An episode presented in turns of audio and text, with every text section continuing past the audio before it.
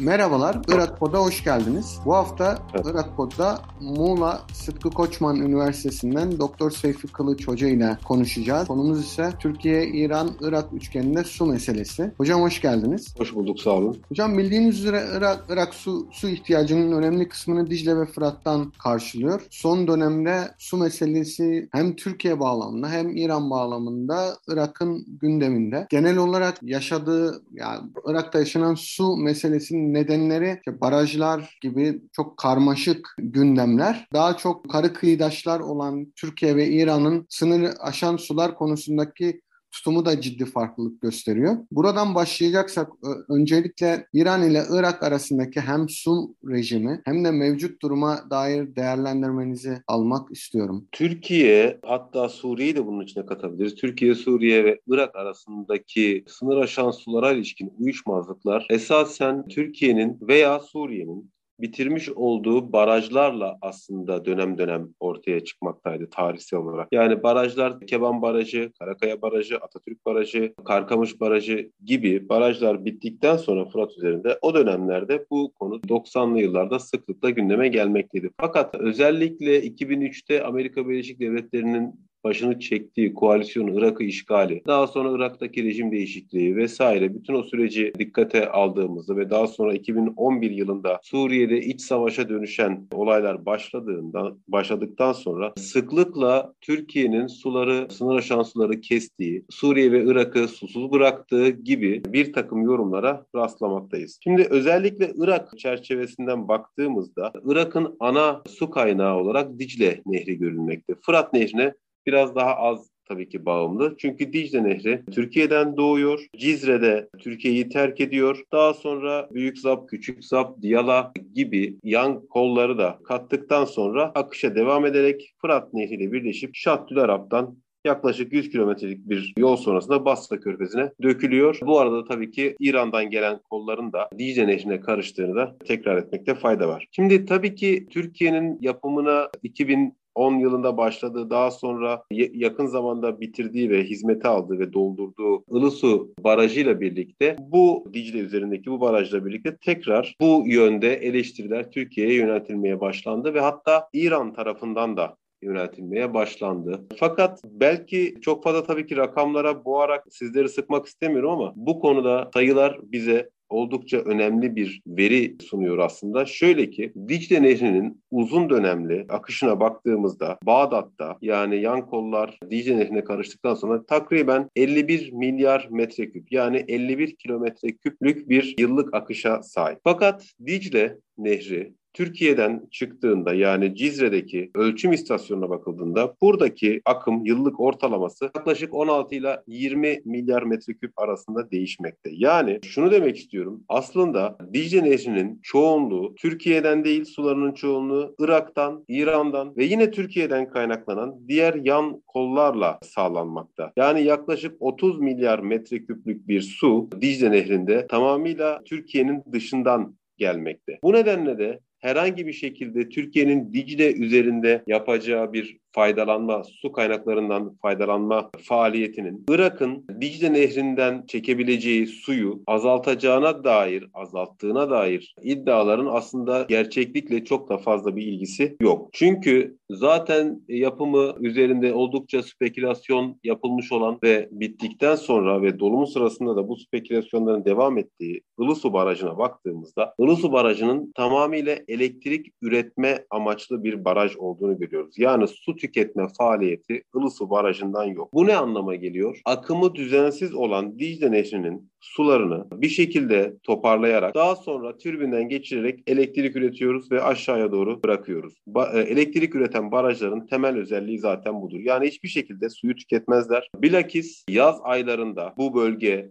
Türkiye, Irak, Suriye ve İran kurak ve yarı kurak bir iklime sahip olduğu için özellikle sulamanın sulama ihtiyacının olduğu, tarımsal sulamaya ihtiyaç olan dönemde daha düzenli su sağlaması açısından yukarı kıyıdaş Türkiye'nin yapmış olduğu bu barajların tam tersine aşağı kıyıdaşlara fayda sağladığını özellikle ve özellikle vurgulamamız gerekiyor. Bu çerçevede İran'la Irak arasındaki ilişkilere baktığımızda, sınır aşan sular ilişkilerine baktığımızda tabii ki bu ilişkileri her iki ülkenin arasında aradaki siyasal ilişkilerden ayrı tutmamız çok da mümkün değil. Ama ilk önce İran'daki iç kaygılara baktığımızda 2010'lu yıllardan itibaren ciddi bir su kıtlığı içerisinde İran ve Zaros dağlarından kaynaklanan ve Dicle'ye karışan kolların üzerinde yapmış olduğu barajlarla sıklıkla suların tamamını yani hiçbir şekilde bir damla dahi bırakmadan suların tamamını tutarak kendi iç bölgelerine havzalar arası transferle aktardığını görüyor. İran'ın bu konuda Irak'ın Türkiye'ye yönelik suçlamalarını desteklemesinin sebebi aslında biraz da bu odağı karıştırmak,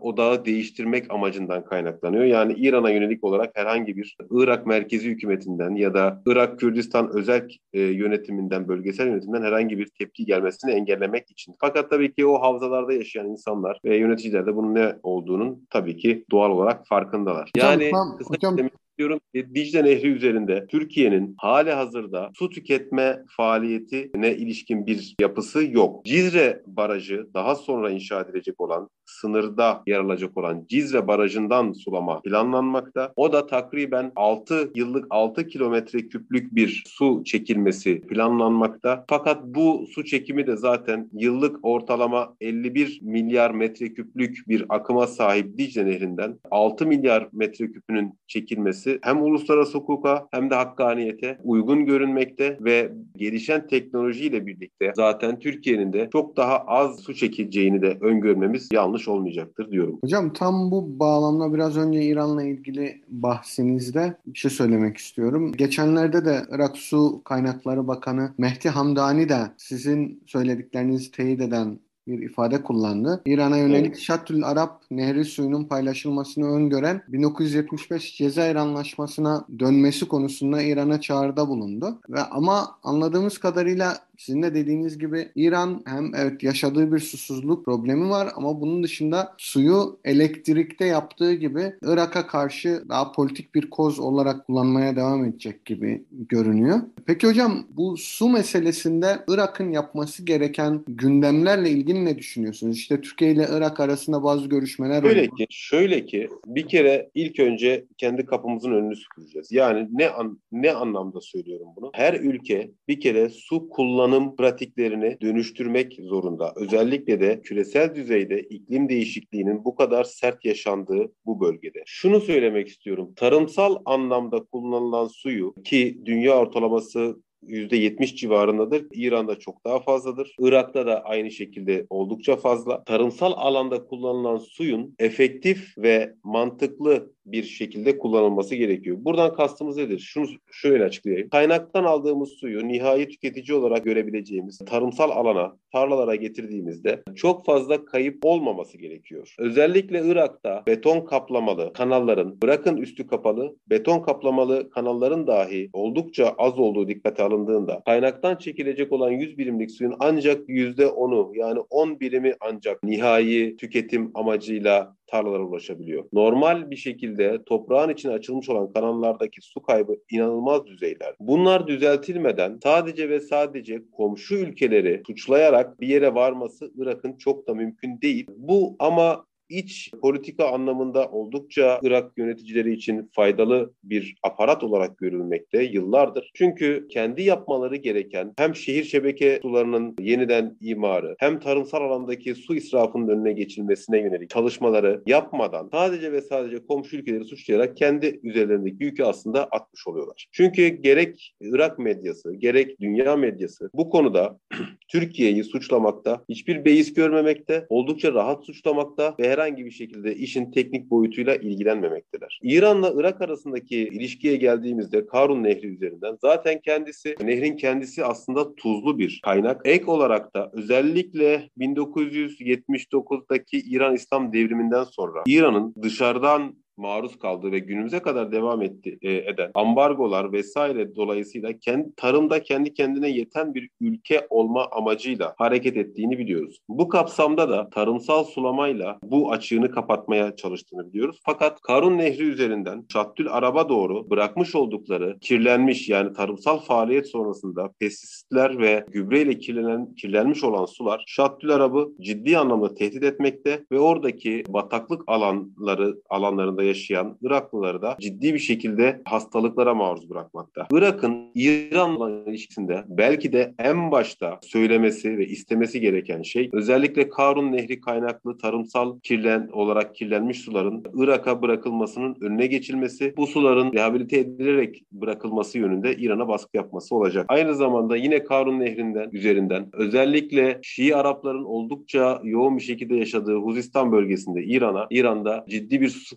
sıkıntısı var. Oradan havzalar arası su transferiyle ciddi anlamda su çekilmekte ve sadece ve sadece pestisitlerle ve tarımsal gübrelerle kirlenmiş olan sular Irak'a yani Şattül Arap'a doğru bırakılmakta. Bu da ciddi bir sorun olarak görülmelidir. Hocam son olarak Türkiye'den Veysel Eroğlu öncülüğünde Irak'la su konusunda görüşmeler oldu. Evet. Bu, bu, bu süreç ne aşamada? Bir inkıtaya mı uğradı? Devam ediyor mu? Şöyle ki Nereye aslında yakalandı görüş- mı? görüşmelerin tarihi çok aslında eskilere dayanmakta. Yani 1980'lerde Türkiye'nin ileri sürmüş olduğu 3 aşamalı plandan beri her ne kadar siyasi ortam çok da fazla buna imkan vermese de ara ara hem Suriye ile hem Irak'la bu tür teknik düzeydeki görüşmeler devam etmekteydi. Fakat az önce bahsettiğim gibi bu görüşmelerden sonuç alınmasını çok da ben kişisel olarak beklemiyorum. Çünkü Irak'ın altyapısı, su altyapısı yaklaşık 40 yıldır savaş, işgal, ambargo, iç savaşla yıpranmış olan altyapısı bunu kaldırabilecek seviyede değil. Irak'ın bir an önce su konusundaki sıkıntılarını hem evsel kullanım için hem tarımsal kullanım için bu sıkıntılarını aşması için komşularla müzakereden çok çok önce kendi altyapısını yeniden inşa etmesi gerekmekte. Yoksa komşularla yapılacak müzakerelerden herhangi bir sonuç elde etmesi mümkün olamayacak. 2018 yılında yaşanan kuraklık dolayısıyla Ilısu Barajı'nın doldurulması Irak'ın talebi üzerine bir süreliğine ertelendi ve buradan Türkiye'nin ciddi anlamda kaybı da oldu. Elektrik üretme anlamında. Çünkü Ilısu Barajı'nın dolumu gecikti. Fakat iyi komşuluk çerçevesi iliş- çerçevesinde o ilişkiler çerçevesinde Türkiye bunu yaptı. Fakat herhangi bir şekilde sorunun çözümü mümkün olamadı. Çünkü ısrar ve ısrarla söylediğim gibi Irak'ın altyapısı, su altyapısı bunu kaldıracak bir seviyede değil. Hocam çok teşekkürler. Kapatmadan önce Seyfi Kılıç hocamızın Orta Doğu Araştırmalar Merkezi için hazırladığı İran ile Irak arasında sınır aşan su ilişkileri ve Türkiye başlıklı bir policy paper'ı var. İlgili arkadaşlar bu çalışmayı da okuyabilir daha detaylı öğrenmek için. Hocam çok teşekkür ederim. Irak Pot'ta bu akşam Muğla Sıtkı Koçman Üniversitesi'nden Doktor Seyfi Kılıç hocamızla Irak'ın su meselesini ele aldık. Bizi dinlediğiniz için teşekkür ederiz. Irak Pod'u takipte kalın.